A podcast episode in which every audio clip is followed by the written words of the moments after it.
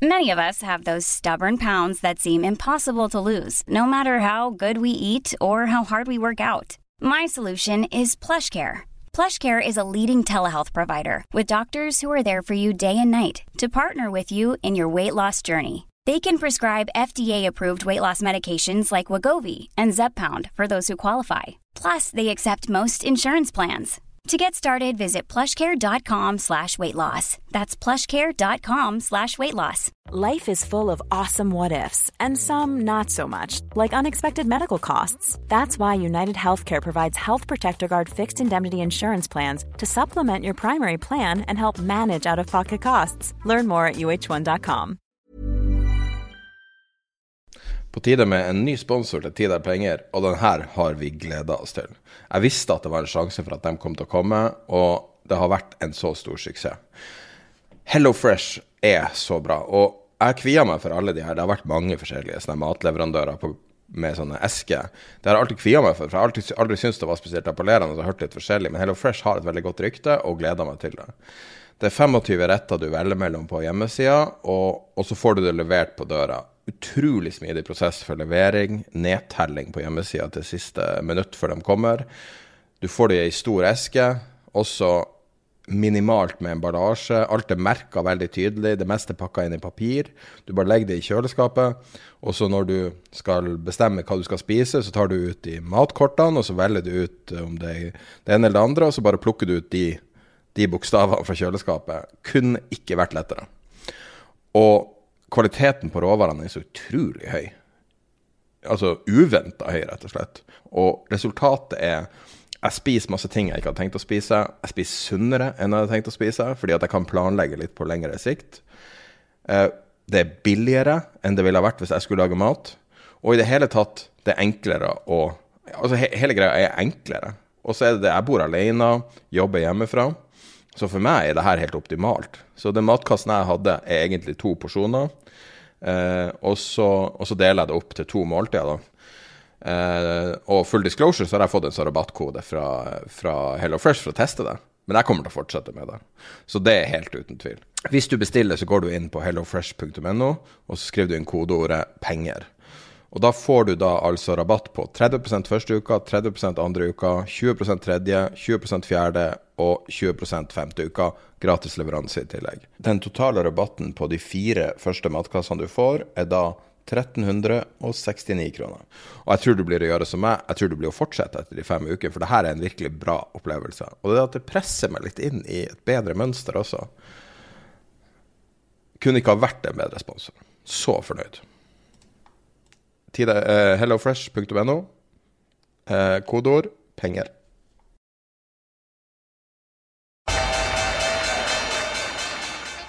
They mistook leverage for genius. Leverage for genius. I would recommend Japan. The governments don't rule the world. Goldman Sachs rules the world. Velkommen til episode 203 av podkasten 'Tid er penger', en podkast med Peter Warren. Jeg heter Sverre og er produsent, og i dag eh, skal vi snakke om bank, bailout, osv. Du vet. Det som har skjedd i helga. Det har vært mye drama. Vi må unpacke det, spesielt når det kommer til litt omdefinering av kapitalstrukturen osv. Jeg tror vi bare går i gang med episoden med en gang. Vi har liksom sagt til oss sjøl at uh, at ting det siste året har ikke vært så ille. Det har liksom har ikke vært ei krise. Vi har hatt lav VIX, og ikke minst vi hadde en stabil banksektor og flere ganger sagt takk Gud for at bankene er robuste. Og så vi, har vi hatt en gjest noen ganger, Thomas Hønig, og han har jo snakka mye om at, og skrevet i FT og andre plasser, at, uh, at bankene ikke er så stabile som man skulle tro. Ja, altså, Nå må du passe på at du får med uh, hvem Thomas Hønig er. Han er friend of the pod og tidligere stemmende sentralbank man kaller det jo sentralbanksjef i flere forskjellige former i USA. Han var leder av en av de er det syv uh, regionale sentralbankene i USA. Jeg, lurer på om det var uh, Kansas City, tror jeg. Uh, og, og, han har Vi har snakka direkte, og, og jeg har lest mye av det han har skrevet. Og han har så vidt vært innom det når vi har intervjua han i, i podkasten. Men um, det var interessant å se, fordi at fra vårt perspektiv så så det ut som banker var ganske solide. Men han mente da bare at de var bare mer solide enn i 2008, men ikke solide. Og nå får vi da de første bevisene på det. I løpet av helga, så med mindre du eh, ikke har åpna en eneste nettsted, så eh, kan jeg informere om at UBS har kjøpt Credit Suisse for i overkant av 3 milliarder dollar. Først var det meldt at det var to, men det endte opp med litt over tre. Det betyr at eh, selskapet ble kjøpt for ca. en tredjedel av prisen som, som, det var før helga. Eller fredag klokka ni, når den closa i USA. Um, den fikk bli backa av den sveitsiske nasjonalbanken, eh, som også tok et valg som var litt spesielt, så, eller godkjente eh, det at aksjonærene fikk noe penger tilbake, som er ikke en selvfølgelighet i en det som i praksis er en bailout eller en, en slags kontrollert konkurs. Eh, sånn at aksjonærene sitter igjen med en, en tredjedel av pengene, mens eh, enkelte kreditorer som eier såkalt AT1-kapital, som er en slags konvertibel, eh, blir nulla ut. Og det stiller jo øyeblikkelig spørsmål med annen AT1-gjeld, om den er i fare også.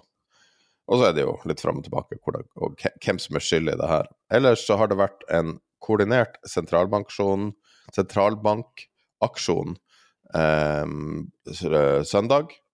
Eh, og det handler om å øke dollarlikviditet. Så var det ECB og alle de andre store sentralbankene gikk sammen og tilbydde likviditet. Eh, det har kommet eh, Så vidt jeg kunne se, så Bank of Japan Eh, tilbudet over altså gjennom den yield curve control-mekanismen. Jeg er ikke helt sikker på om det er det, men jeg tror det var det, sånn de gjorde det. Um, så det er ganske mye drama i sentralbankverdenen, og det er nesten vanskelig å vite. Det er en analytiker som heter Robin Brooks i IF, IIF, som jeg syns uh, summerte det opp ganske bra. A credit crunch is coming. Kan du ja. Kan du gi et uh, slags ovenfra og ned-perspektiv? Ja, jeg, jeg, kan, jeg, kan, gjøre det. Og hvis jeg kan da faktisk begynne litt med, med, med fjoråret. For det, det, er jo som regel ikke slik at disse tingene kommer som uh, uh, Hva er det het for noe på kjerringa? Mm, julekvelden.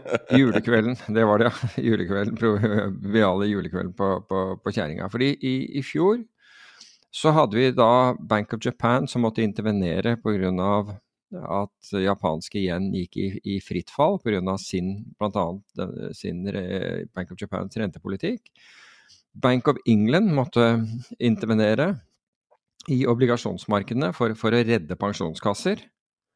Så vi hadde dette allerede. altså vi hadde på en måte, Det hadde begynt å rulle at ting ikke var helt som de, de skulle. Og så er vi kommet nå til tredje måneden av dette her året, og da er det tre regionale, altså øh, amerikanske banker, som skaper rett og slett en finanskrise i verden. Fordi det er en form for finanskrise vi ser. Når, og så på toppen av det hele, Sveits nest største bank, jeg tror den er 167 år gammel eller noe sånt nå, må da bailes ut. Du hadde rentebevegelser nå nylig, altså som følge av at, uh, at uh, Federal Reserve kom på, på, på, på banen på, og pga. disse bankene. Så oppstår det så store rentebevegelser. Altså det, det, er de største rentebevegelsene vi har sett siden krakket i 1987. Og Goldman Sachs og en rekke hedgefond, men det er bare det vi har hørt om til nå taper milliarder av dollar på en dag. Og så har du London Metal Exchange, som var oppe i denne, denne, denne, skandalen i fjor i forbindelse med nikkel, og som blir saksøkt i forbindelse med det. De finner ut at de har stein istedenfor nikkel på, på, på, på lager. Det er, jo, altså, det er jo bare ting altså, det Fins det en altså, symboltung sak for å illustrere den moderne verden? Man, vi trodde ja, vi hadde så store verdier, og så var det bare masse stein i poser. Ja, ikke sant. Nå er det jo selvfølgelig Nå, jo, nå, nå skylder jeg å informere om at altså er, når du handler, eh, handler metaller, eh, så blir det da levert til et LME, altså London Metal Exchange Warehouse. um, for, for, fysisk uh, levering, eller om du vil selge disse metallene til, til noen andre. Men det er, der de blir levert. Og så viser det seg at man har da tydeligvis ikke kontrollert dette her i noe særlig grad. fordi en del av dette, nå er, det utgjør det veldig liten prosent, det, det, det skal sies, er, men er stein.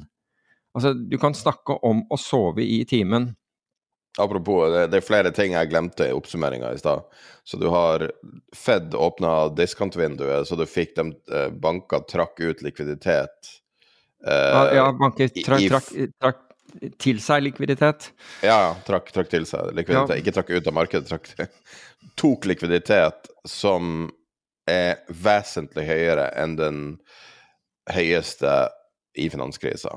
40% over toppen. Mm. Og i tillegg så har vi i hvert fall én bank som er på kanten av kollaps, First Republic, eh, som er nå blitt nedgradert for andre gang på ei uke.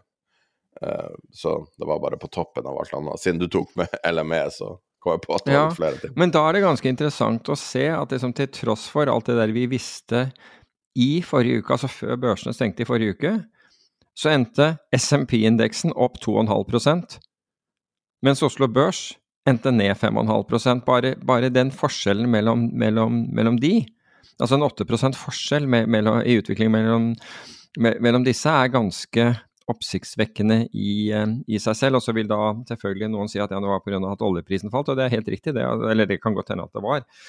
At det var en sterk eh, medvirkende årsak, fordi oljeprisen falt, uh, falt 12 uh, i, i, i, forrige uke. Så, så, gjerne det, men det forteller jo Altså, alle disse tingene forteller at det er stress i systemet. Og allikevel så har jeg inntrykk av at uh, de aller fleste er liksom sånn David Farragut-fans. Uh, han var vel under amerikanske borgerkrigen var han som sa liksom Damn the torpedoes, full speed ahead. Spilte ingen rolle. Det, altså, jeg har inntrykk av at vi, at vi er, vi er, uh, vi er veldig der. Så Men vi, vi kan jo Altså, bare tenk på det der at noen regionalbanker i USA ja, den ene var ganske, var, var, hadde, hadde, en viss størrelse. Men regionalbanker i USA får det til å, til å skjelve rundt hele kloden. Og det riktige av bankene var jo selvfølgelig, og, og, man har jo lært av det, at de første som, som får, får, tak i likviditet, altså det gjelder å få tak i det før, før man, man, stenger for det. Og så øh, gjorde Federal Reserve en ting til, og det var jo at man sa at fordi altså de, Man våknet jo opp til dette her at mange av disse bankene hadde obligasjoner, hadde plassert pengene uh, i, uh, i, obligasjoner som er det samme Altså du låner flytende og fastrente, altså de finansierer seg flytende, altså med å få penger fra, fra innskytere, som i dag er vanvittig dyrt. altså Eh, og har plassert disse til en langt, langt, langt lavere rente i, i uh, statsobligasjoner. Men så har dette ligget på, på konter, altså de har, de har, disse obligasjonene har da ligget på hold til forfall uh, i, i, bankenes balanse. Og de hold til forfall blir da ikke mark to market, de blir ikke verdsatt regelmessig. Slik at de dukker, de dukker, ikke opp når, når bankene presenterer resultater som, som, et potensielt stort tap. Det må du tenke deg til selv. altså analytikere, Flinke bankanalytikere gjør jo det. Men myndighetene har tydeligvis ikke tenkt no, noe særlig på det. Og da problemet med Silicon Valley Bank dukket opp, så ble det en uh, rude awakening for, uh, for, for myndighetene. Og de har da eh, konkludert med, og det er sikkert helt riktig, at Silicon Valley Bank er neppe den eneste som har dette mark to market-problemet. Altså med andre ord, hvis du da selger disse obligasjonene, så har de falt så mye i verdi siden du kjøpte dem, fordi renten har steget, at du har ikke nok penger til å, til å tilbakebetale innskyterne dine. Det er, det er problemet. Og Federal Reserve har da tilbudt seg at bankene kan plassere disse obligasjonene. Så la oss, la oss, si at disse obligasjonene er verdt, uh, er, er verdt 80, altså har falt fra en kurs på 100 ned til 80, bare for, å- for å ta tall. Altså det vil være et eller annet sted mellom 80 og 85, litt avhengig av noen, noen kanskje lavere enn det. Men de kan få plassert de hos Federal Reserve og få kurs 100 tilbake.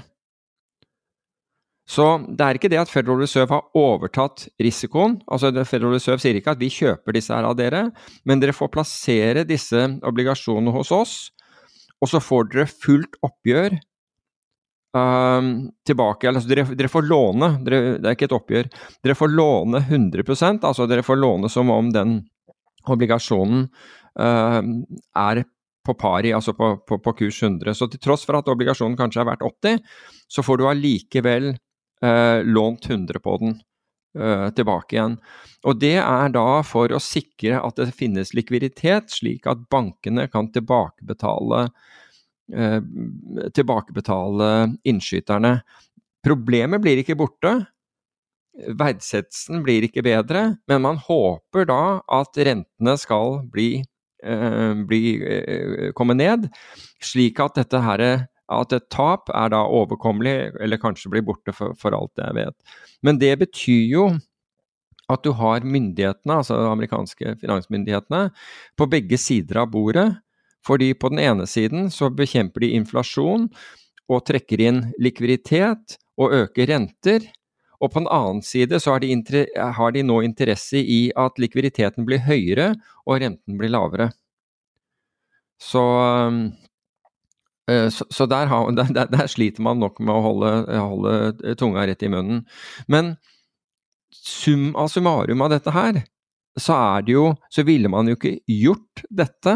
Det hadde ikke vært behov for å gjøre dette her hvis man ikke prøver, prøver å redde en krise. Så det er en krise der ute. Koordinert sentralbankaksjon. Ja, en koordinert Ja, altså Men det, ja, det kan man jo argumentere. Altså det at man man øker swap-linjer osv. For å holde dollarlikviditeten høy i systemet, det, det, kan man argumentere gjøres for å avverge en krise også. Akkurat det tiltaket, slik at det skal være nok, nok likviditet i systemet, slik at, at lånerenter ikke går gjennom taket, eller at banker ikke stoler på hverandre.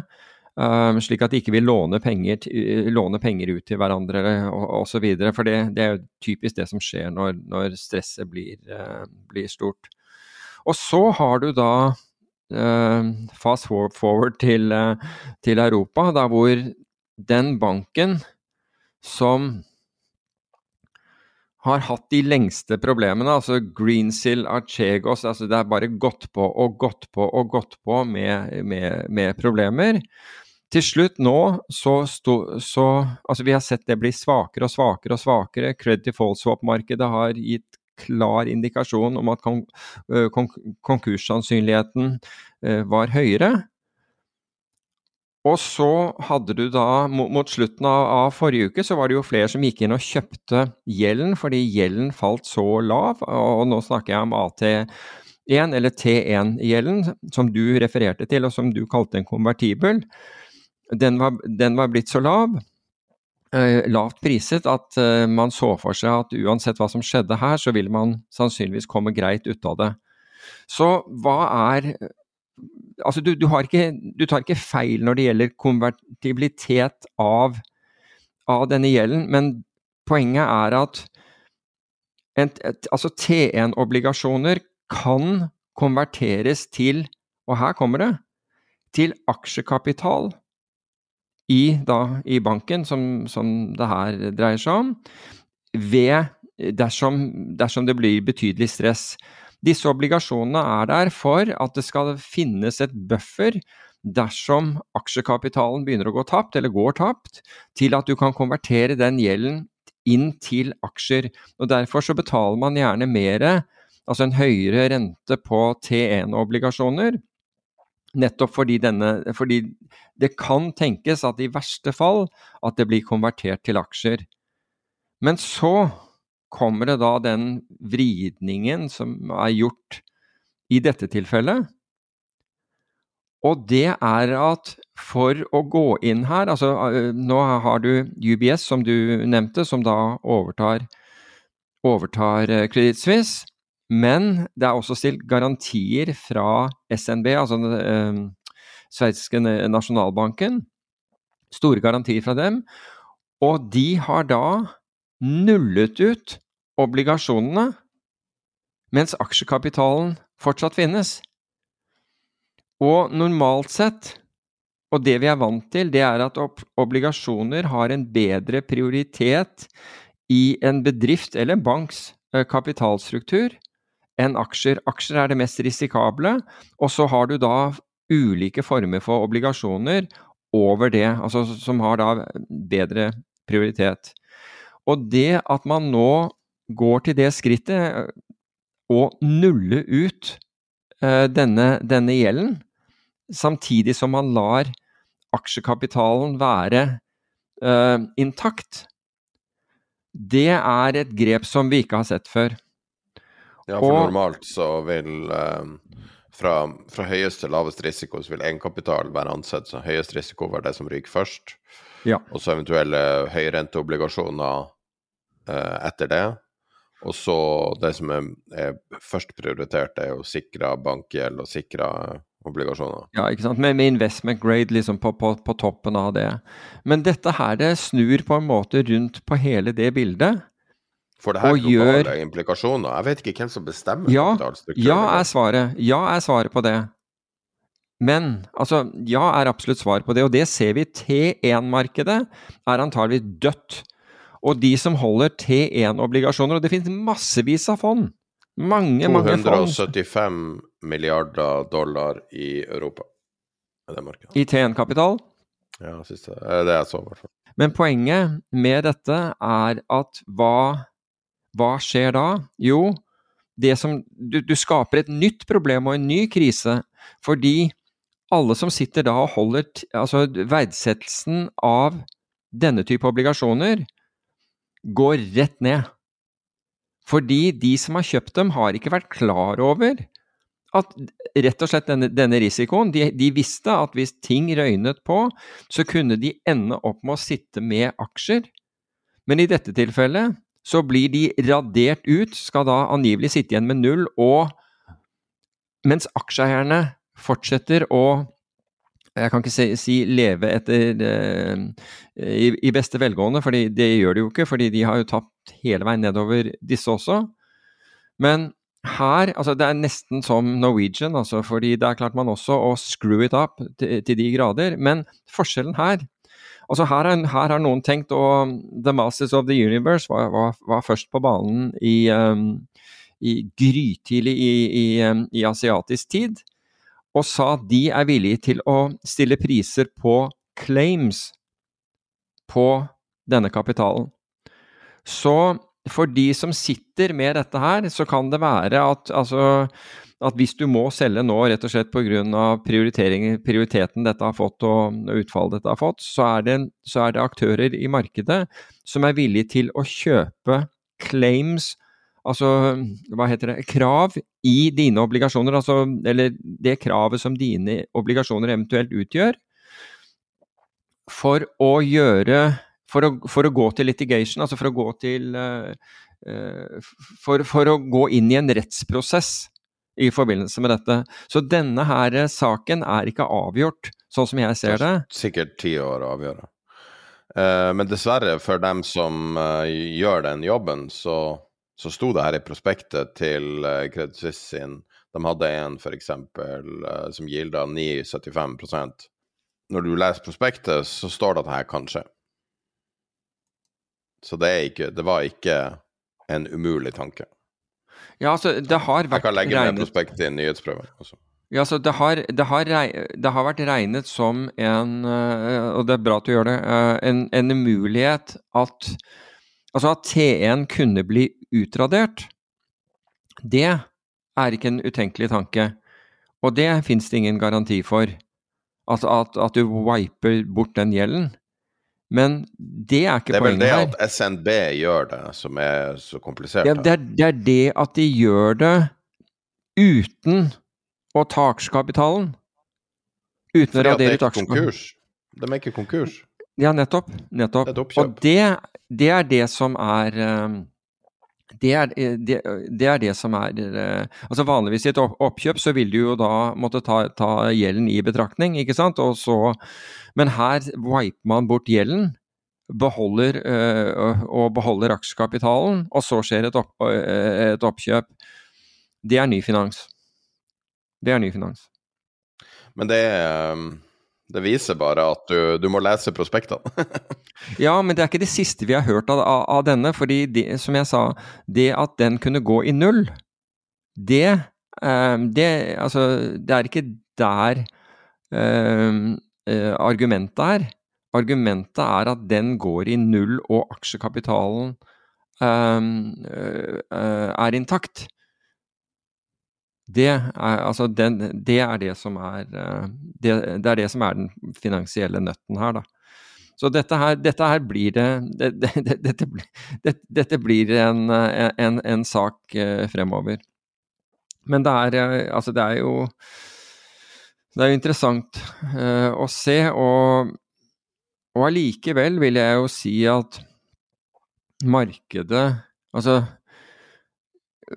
med alle de nyhetene man hadde i, i, i, forrige uke, og ganske kraftige intradag svingninger. Altså du så Hva var det? Var det fredag hvor Oslo Børs var nesten opp 3% og endte ned, ned nesten 1% Det er ganske Altså, det er betydelige svingninger. Mens markedsaktørene sier nei, det er bare å kjøpe.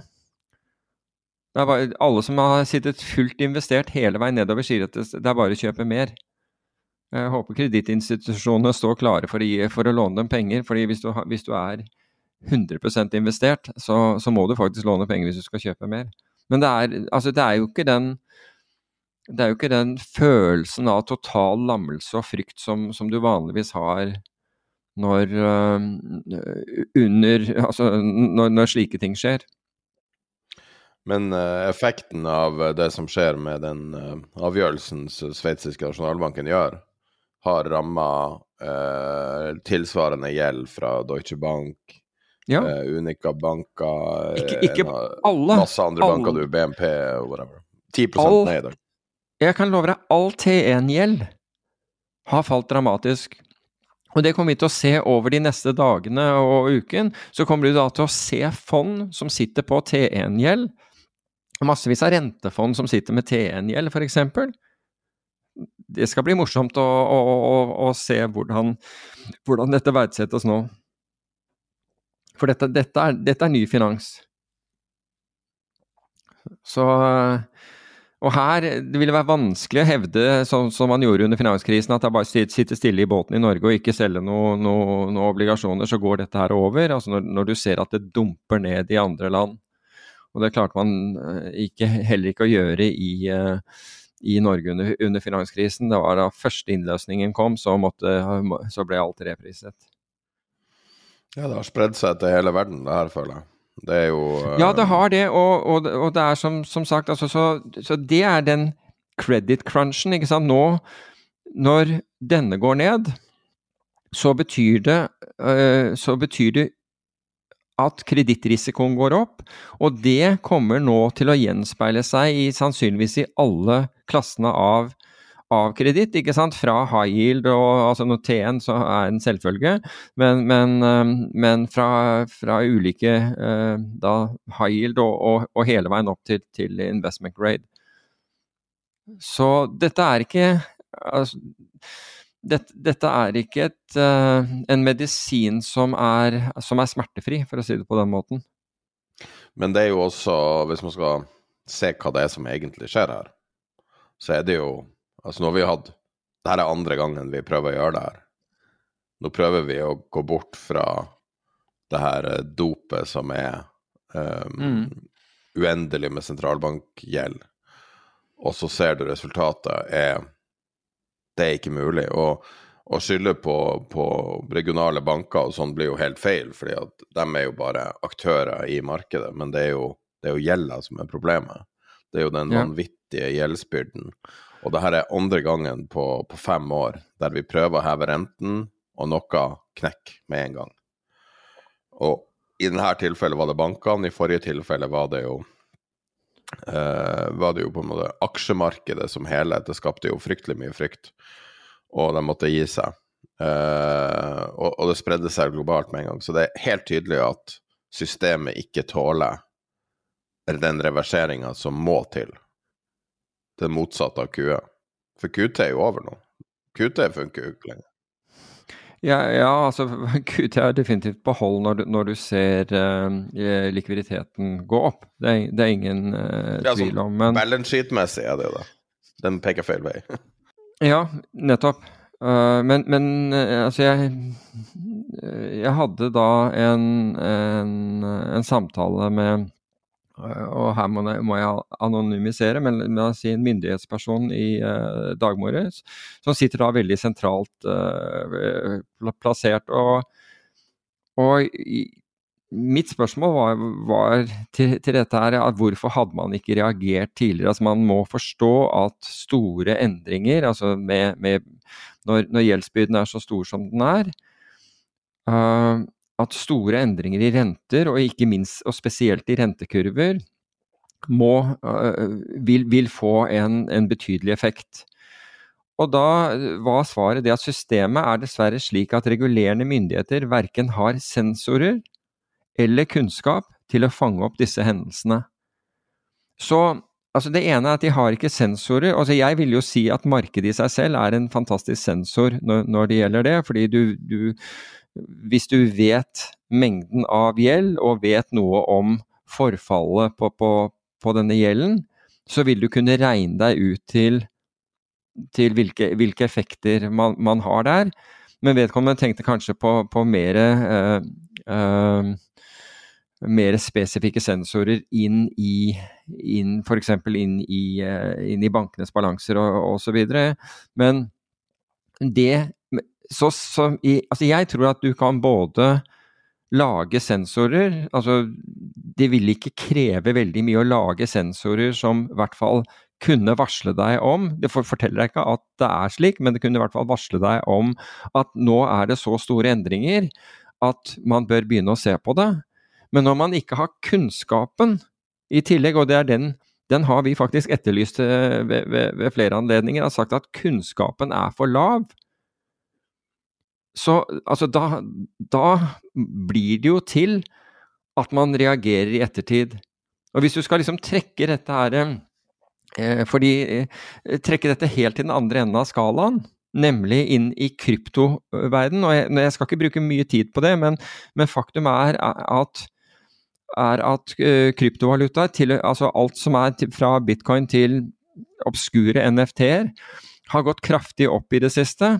Og jeg syns for så vidt at det var et paradoks at da man da, da, I forbindelse med både med, med, med, med Silvergate og, og, ikke minst med Silicon Valley Bank, at det var faktisk Fiat-valuta som Altså det at myndighetene, eh, spesielt i forbindelse med Silicon Valley Bank, som da sørget for at innskudd eh, ble ble honorert. Altså uansett om du hadde puttet 250 000 dollar eller, eller 20 millioner dollar i banken, så, så, fikk du det tilbake. Noe som reddet da bl.a. en stablecoin. Så, så, var, så jeg syns det var et paradoks at det var Fiat-valuta som da skulle redde kryptovaluta i, i, dette tilfellet, og det tror jeg faktisk at det gjorde. Altså, og over lang sikt så er, så er, det neppe det, men på kort sikt, altså for at man ikke skulle få et ordentlig skjelv i, i kryptomarkedet Det var ikke det som var myndighetenes intensjon, bare så det er sagt, men så, så ble det reddet. Uh, men jeg kan forstå, altså ut ifra at det, altså myndighetene rett og slett alltid skal være så ekstremt reaktive og uten, da, og uten kunnskapen, altså man investerer ikke i kunnskapen og sensorer osv. som er nødvendig, så gir det faktisk gir det faktisk støtte til grunnlaget bak, eh, bak f.eks. bitcoin. Jeg gidder ikke å gå inn på, på NFT-er hvor du betaler milliarder for et maleri og noe sånne greier. Det, det, det, det, har ikke jeg evne til å forstå. Men, men det er altså fundamentet her. Så det er, det, er, altså det er, egentlig ikke så rart at krypto, når, når man opplever dette her, når man opplever nok en gang at myndighetene er kommet bakpå, og nok en gang at skattebetalere kan ende opp med, med, med deler av, av regningen. At, at, krypto får, får, får, får flere stemmer. Det gir, det gir faktisk litt mening i den, i den, absurde situasjonen. Men det er jo også um, betimelig hvor um hvor korrelert bitcoin og Fed sin balance sheet er.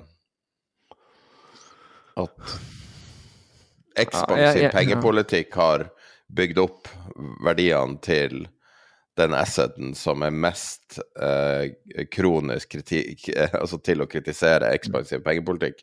Og det sekundet mm. de reverserer ekspansiv pengepolitikk, så reverserer bitcoin også og vice versa. Nå begynner man å pumpe penger igjen, og, og vips, så er bitcoin opp igjen. Så man kan argumentere med Altså, En, bitcoin, en pro bitcoin-person vil jo selvfølgelig da si det her er beviset på Fiat kollapser, pengene kollapser, det er bare bitcoin som har verdi.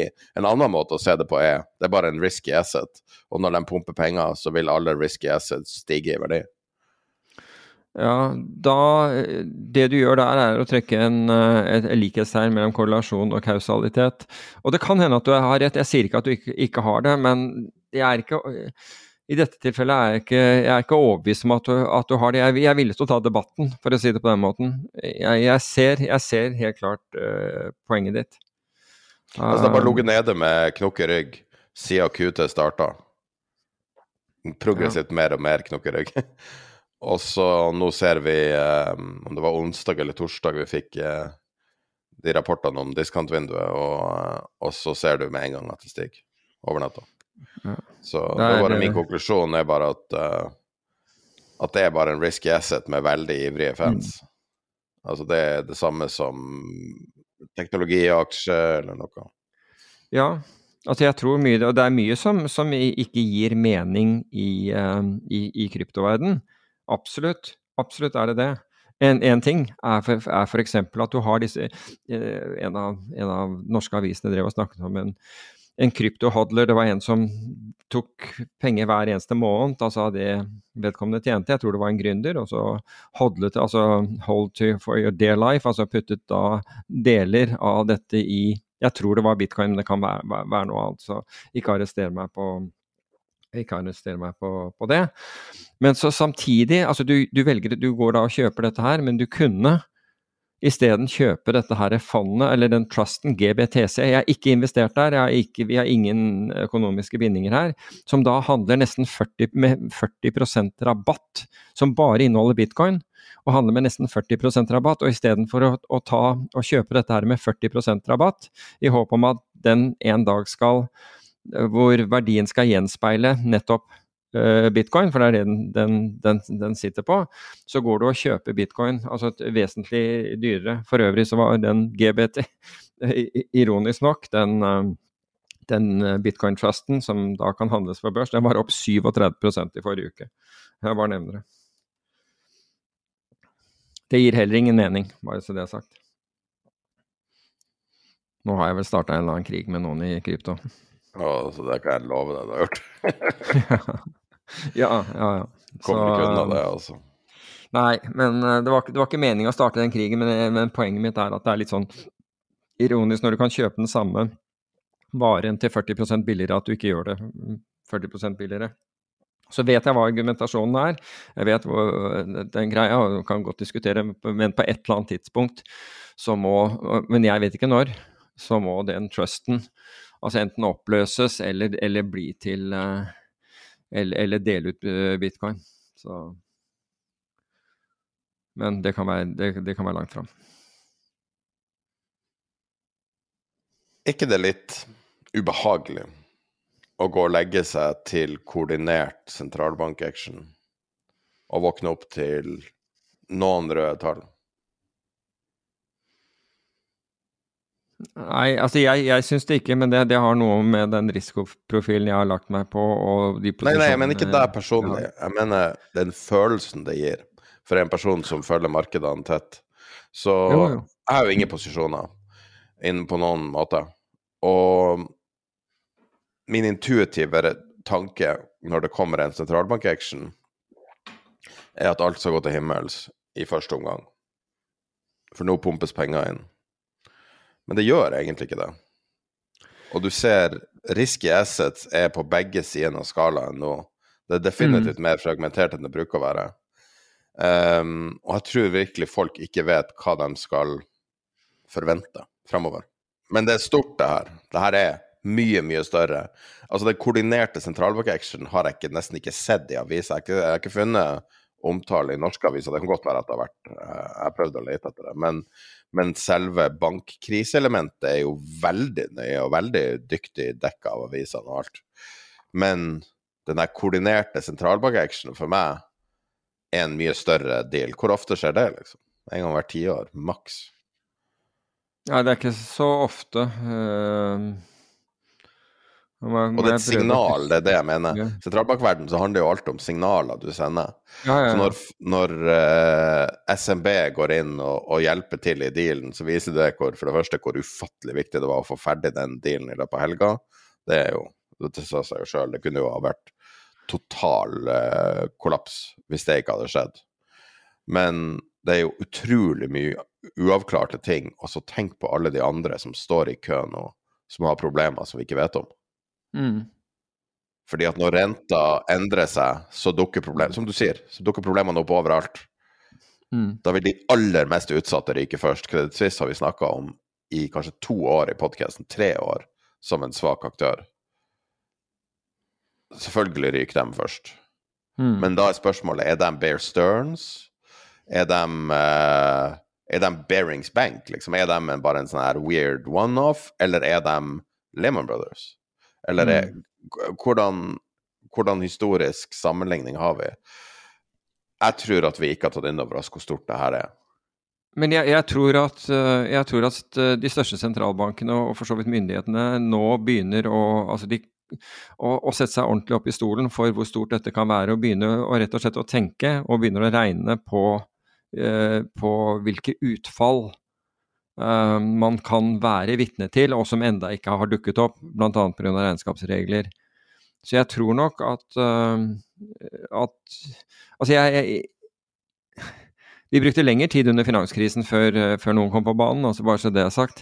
Så nå har jeg inntrykk av at man er raskere på banen og forsøker å komme med tiltak. Og swap-linjen er, er et av dem for å, for å få oversikt, for å, for å, gi seg litt pusterom.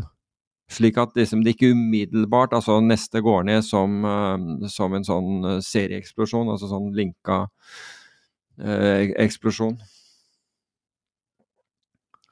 Nei, det bare føles som dangerous times, og uh, nå starter jo hva det blir i morgen, FOMC-møtet starter, og så mm. ferdig på onsdag. Så ah, ja.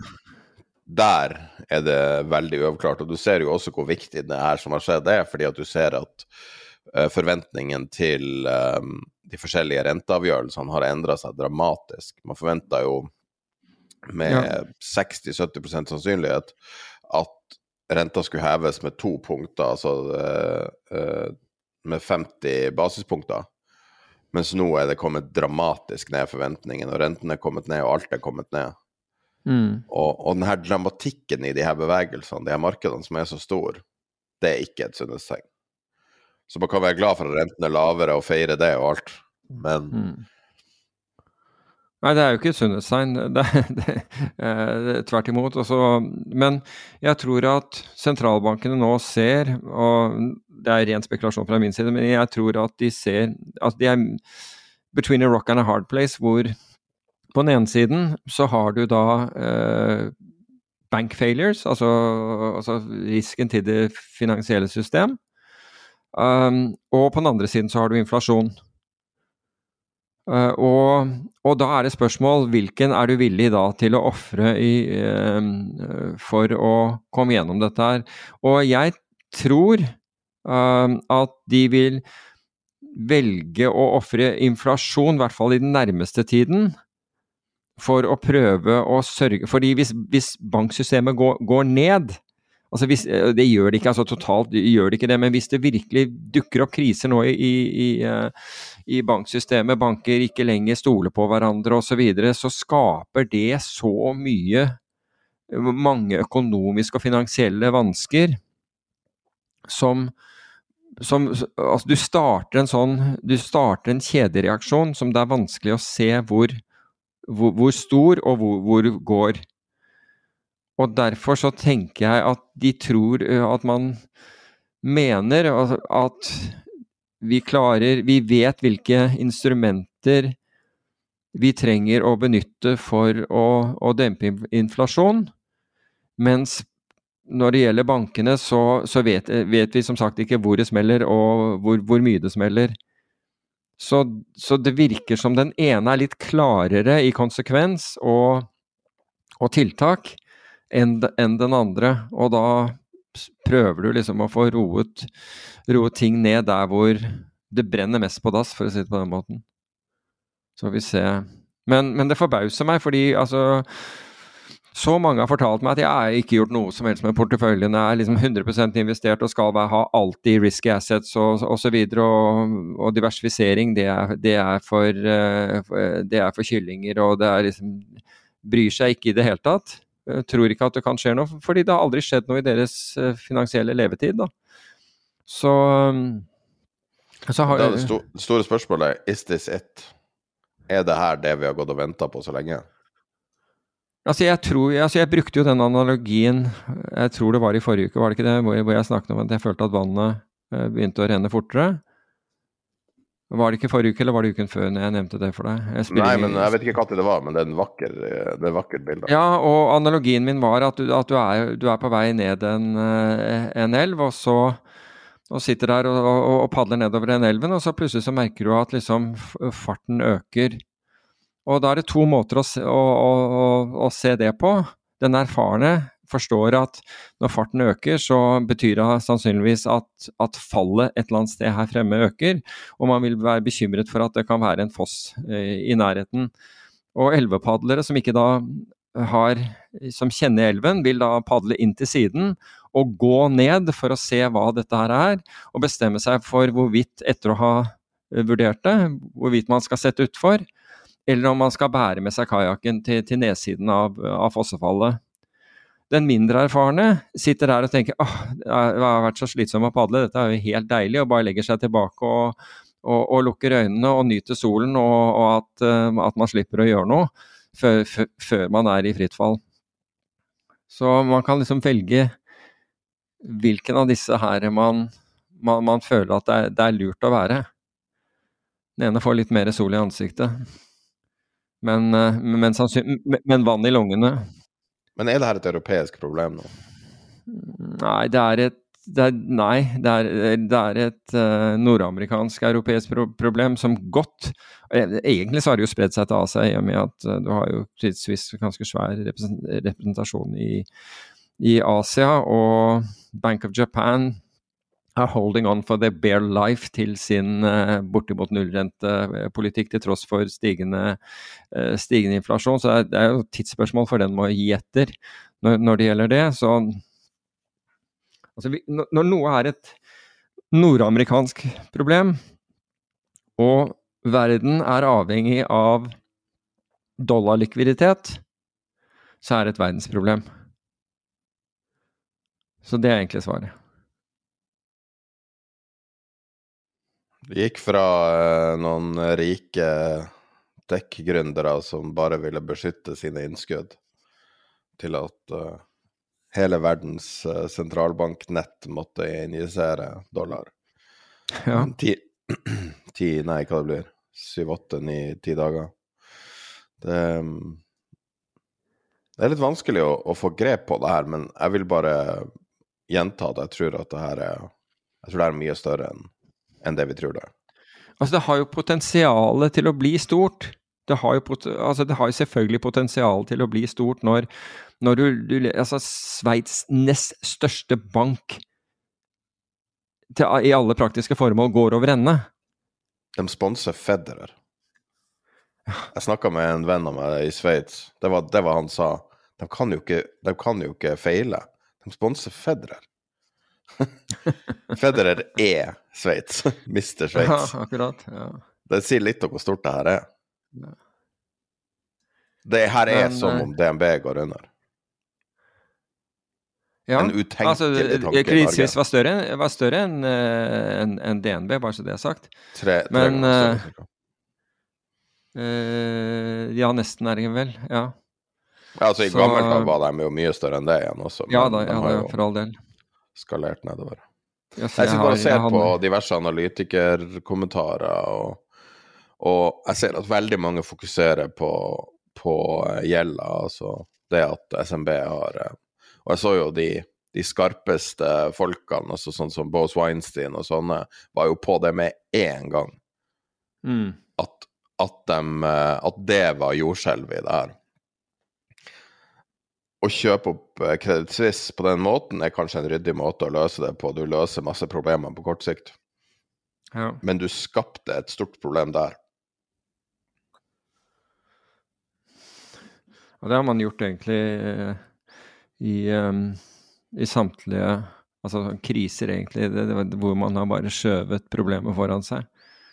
Så Men hva tror du blir å skje med Fed nå? Hva skal de gjøre?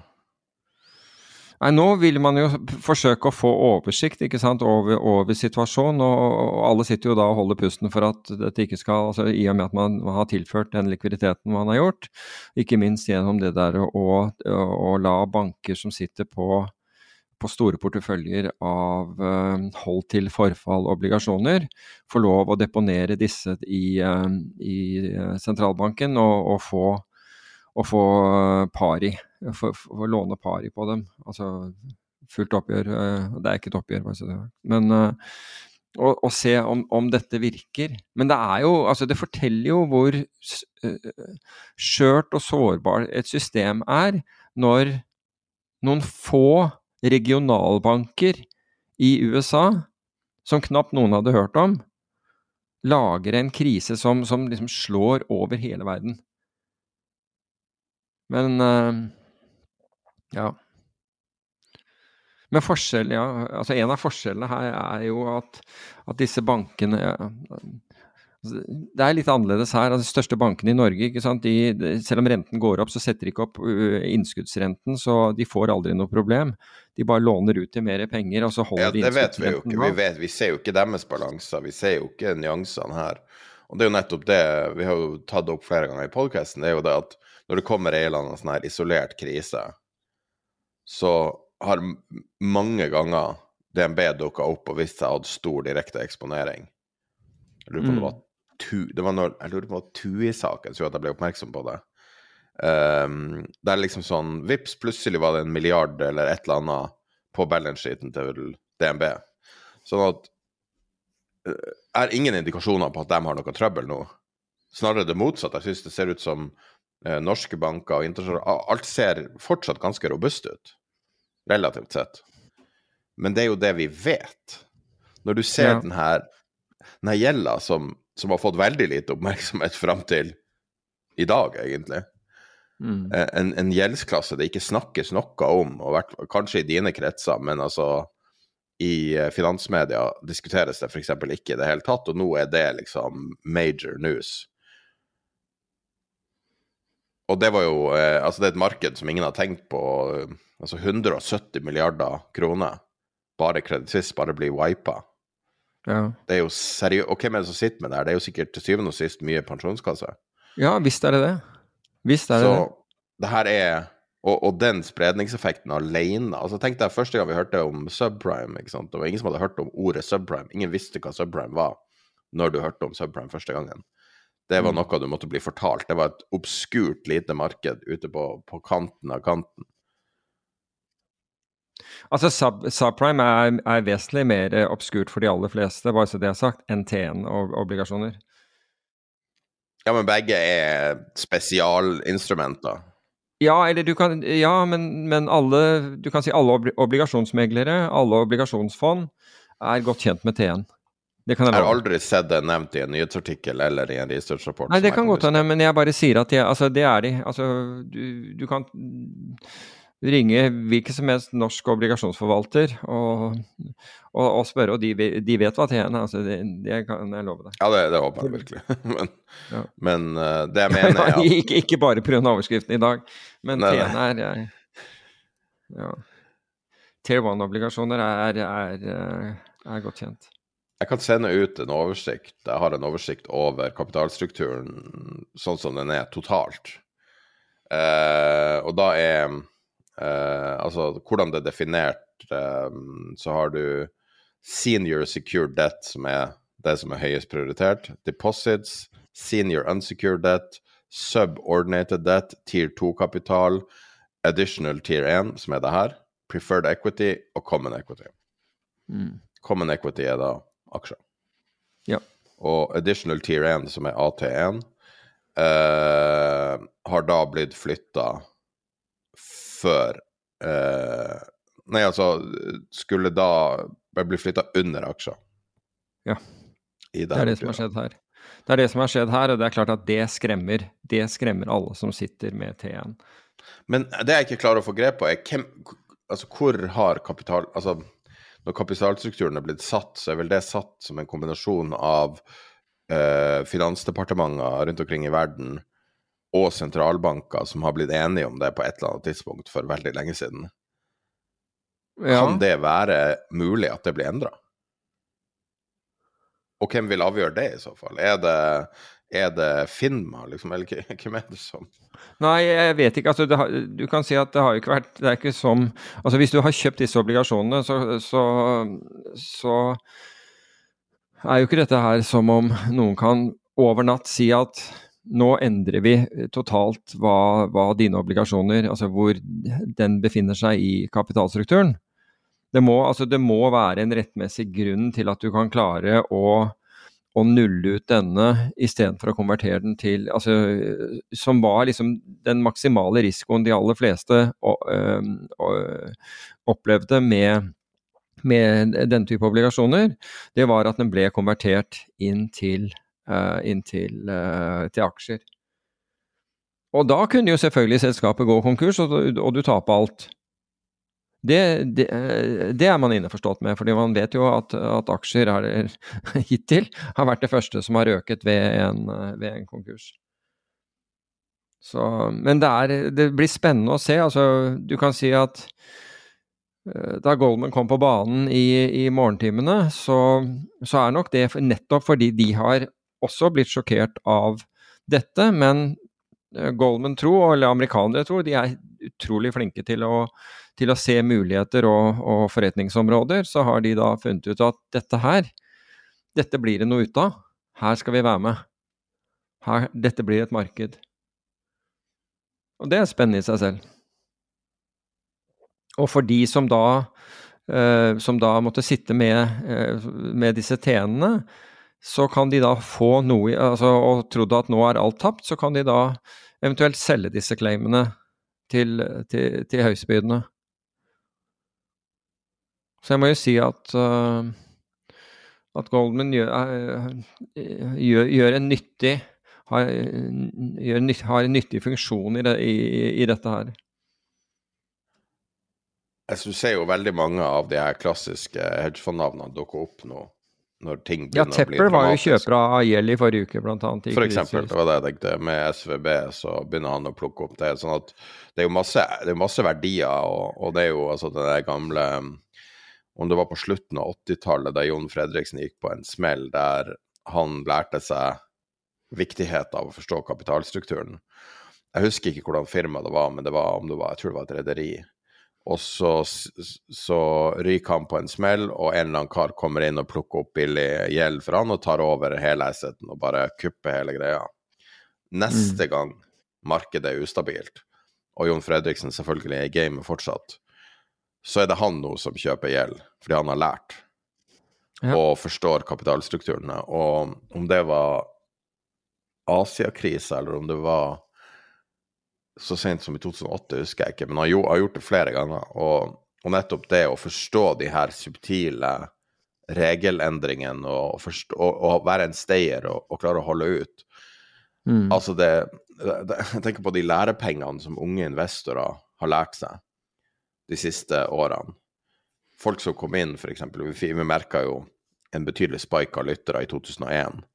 Uh, det, og, og vi merka en spike av interesse for uh, GameStop, f.eks. Og veldig mye nye typer investorer. Vi har spike av, um, av 2021, mener du? 20, hva er det for noe? 2001. Ah, 2021. Ja, vi har ikke holdt på så lenge. Det var følsom. jeg, jeg var russ i 2001. Ja, Hva er det det? Eh, nei, altså i 2021 så merka vi stor, på, eh, stor pågang på det. Hver gang bitcoin-prisen stiger, så merker vi pågang på folk som er opptatt av bitcoin og kommer inn og lytter og alt sånn. Men når du ser på de virkelige lærepengene, der du kan virkelig forstå hvordan finans faktisk funker, så er det det, er det som irriterer meg så mye med, med Exit. For det Jeg må si at jeg har sett ca. ett minutt på Exit og slo av med en gang. Og vi begynte å snakke, og, og jeg følte at finansen bomma helt. Helt i starten. Så bare slo av med en gang. Og, og det er liksom på trass, selvfølgelig. Men det som plager meg veldig med finansunderholdning på TV, og spesielt finansiert av skattebetalerne via NRK, så er det det at de bommer på hva det vil si å være i finans. Hvordan type folk som er i finans. Ja, det fins folk som tar kokain eh, på jobb og er spinnvill på strippeklubber og alt sånt, men akkurat de samme folkene finner du jo i bilsalg eller i mediebransjen eller wherever. Men det som, det som virkelig er finans, de store, store både pengene og de store personlighetene, de gode historiene, er jo veldig ofte fortalt i de dølleste tenkelige omstendighetene. Der en kar sitter og leser en, et eller annet dokument, gjerne et obskurt dokument, i, på et kontor alene, og det er deprimerende omgivelser og alt mulig. Og det er der de store, fantastiske historiene skjer, med en kar med PDF alene og, og knekke en kode på et eller annet vis. Og det er litt sånn Jon Fredriksen sin formue kommer ikke av å være swashbuckler og alt mulig, det kommer av å være smart. Det kommer av å være skarp og lære av feil, lære av ting du har gjort galt senere, eh, eh, tidligere, og være en forretningsmann. Så man, hvis man har tatt lærepengene sine fra Elon Musk, at det er om å gjøre å være mest mulig klovn eller mest mulig høylytt, eller, det er jo ikke der du tjener pengene, det er jo på, på analysen. Og, og her er et perfekt tidspunkt å lære av det, og forstå hvordan ting kan forandre seg. Ting du blir fortalt er på den ene måten, og så forandrer det seg. Og, og, og, og du ser at gamle vinnere som David Tepper plutselig kommer inn ut av fra sidelinja.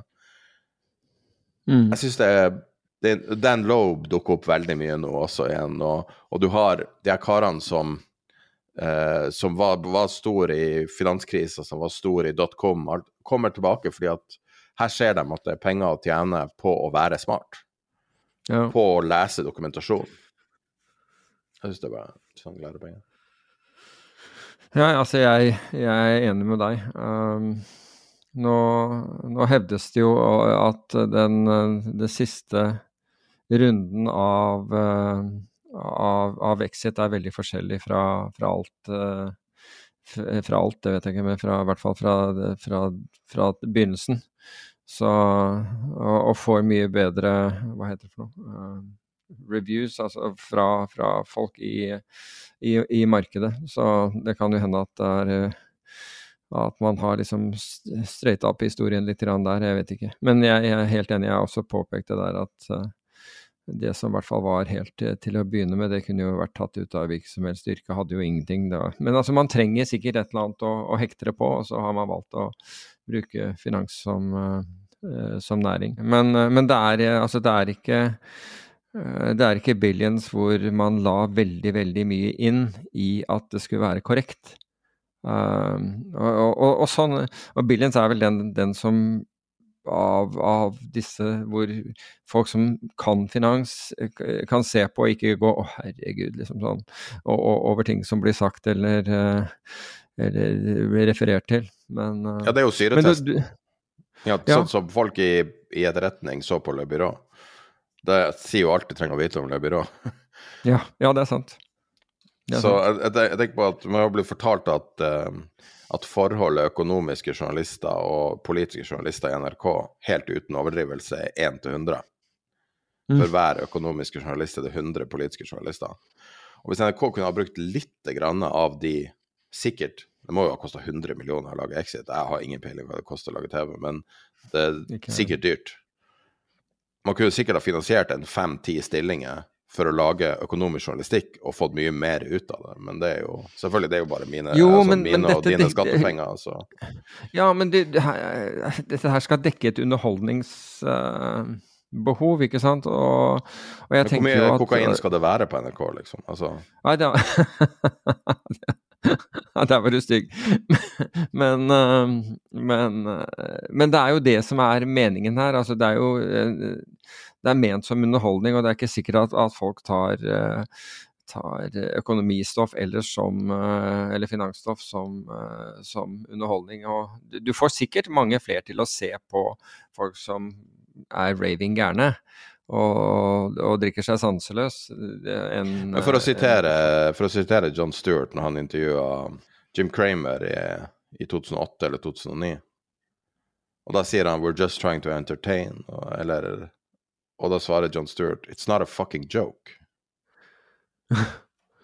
Nei. Det her er real life. Og det du holder på med, er ufattelig destruktivt.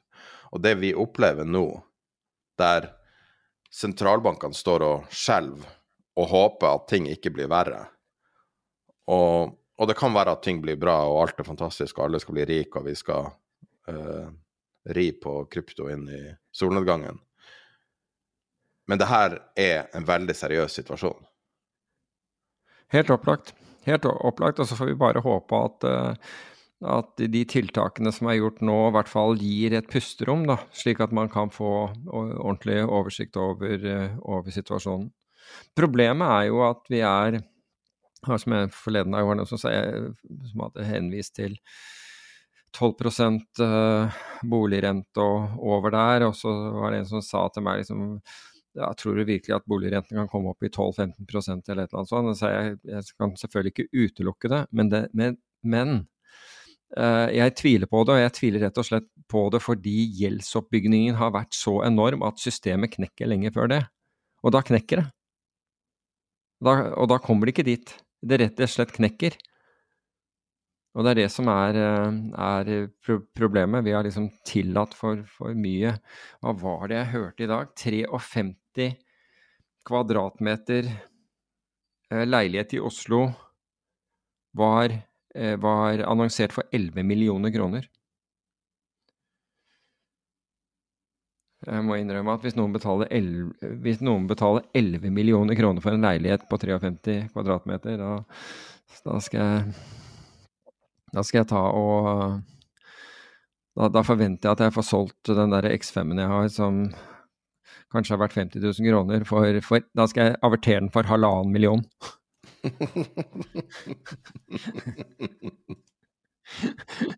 ja, eller, eller høystbydende over i annonsen. Kanskje du kan få eh, en eller annen sentralbank til å plukke den opp. Ja, riktig. Jeg får, jeg får liksom sentralbankstøtte. Jeg 10 000 milliarder pluss en X5. Ja, nettopp. Ja, jeg får sentralbanks... Får sentralbankstøtte for å, for, for, å, for å beholde den. Ja. Nei, gud vet. Men det er Altså, vi er litt på ville veier her. Jeg er helt enig. Nei, det er bare Hele greia det er. Det er litt sånn skumle omstendigheter, syns jeg. Så du for øvrig gull handlet over 2000 dollar unsen i dag morges. Kom ganske saftig ned igjen. Jeg husker ikke, jeg vet ikke hvor den er nå, men jeg så den vel ned på 1180. Men den var, den handlet Jeg, jeg så den på to, jeg så 2008 på Den måtte ha vært hva, Hvilken kontrakt var det? Aprilkontrakten. Alt, alt konservativt må jo være gode investeringer nå, jeg vet ikke. Jeg vet ikke, men hvis du ser forrige uke, da, så vil jeg jo ikke si at det var det mest konservative som dro. Altså, Da var det grayscale, som vi nevnte, opp 37 um, Nummer to, uh, kanskje ikke helt fair, det, og det var bare på fredagen, gikk opp 23 det, var, det, var, det gikk opp uh, Det var midt på dagen på, på fredag. Det var bensinprisen på Shell i Fredrikstad gate i Oslo. Døde. jeg, så, jeg så diesel til 18 kroner i går. Ja, altså, men det var altså Det, det bare skvatt opp 23 um, rundt klokken tolv. Men Du um, sparker inn ganske åpne dører med å kritisere at bensinprisene endrer seg klokka tolv hver mandag, eller hva det er. hver fredag. For? Men det jeg ikke skjønner, er at de ikke gjør det på torsdag. Altså når når, når Bolleland- Bolleland-indeksen viser at folk kjøper mest bolle på en torsdag, så betyr det at folk stikker av gårde eh, sikkert lunsjtider på torsdag. Så jeg vet ikke hvem de skal prøve å fange på fredager. Brukte du nå min melding til Bolleland, eller når jeg ringte dem for å spørre om trafikken? Brukte, kalte du det en indeks, da?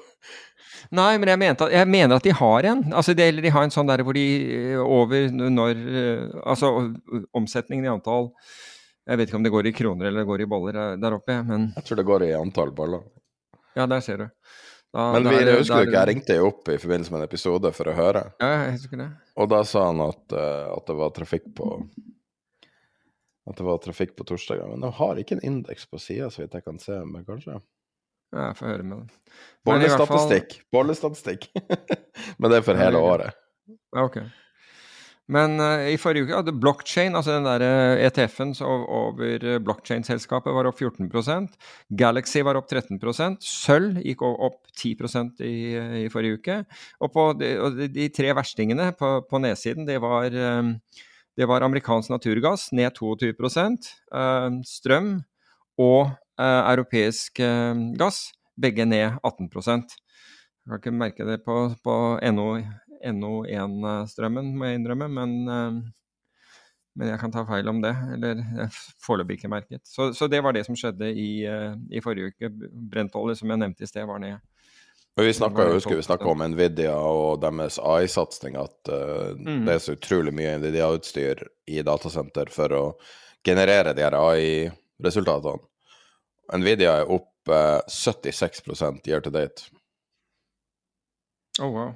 Helt oh, wow. utrolig at de klarte å finne en erstatning av bitcoin, av krypto. Ja, helt enig. For øvrig, mens vi altså Nå har vi akkurat snakket om at vi forventer en reprising av, av, det, av denne av, av, gjelden, så kommer det så kommer det nå en melding, kom, ja, den kom for fem minutter siden. Kraftig reprising i gjeldsmarkedet, et uvanlig grep i Kreditt Suisse-oppkjøpet. Så vi er, ikke, vi er, ikke, på bærtur, for å si det på den måten. Nei, nei, det har fått mye omtale. Eh, en annen aktør som også er interessant for, eh, eh for AI, er Supermicro. Det er også en sånn serveraktør jeg bare sett på. Det er, jo, det er, jo, det du bruker å snakke om når man ser sånne ting som, som AI eller, eller, eh, eller bitcoin eller eh, for å tenke strømprisene stiger eller et eller annet stort skjer, så bruker du alltid å si ja, hva er det det fører til?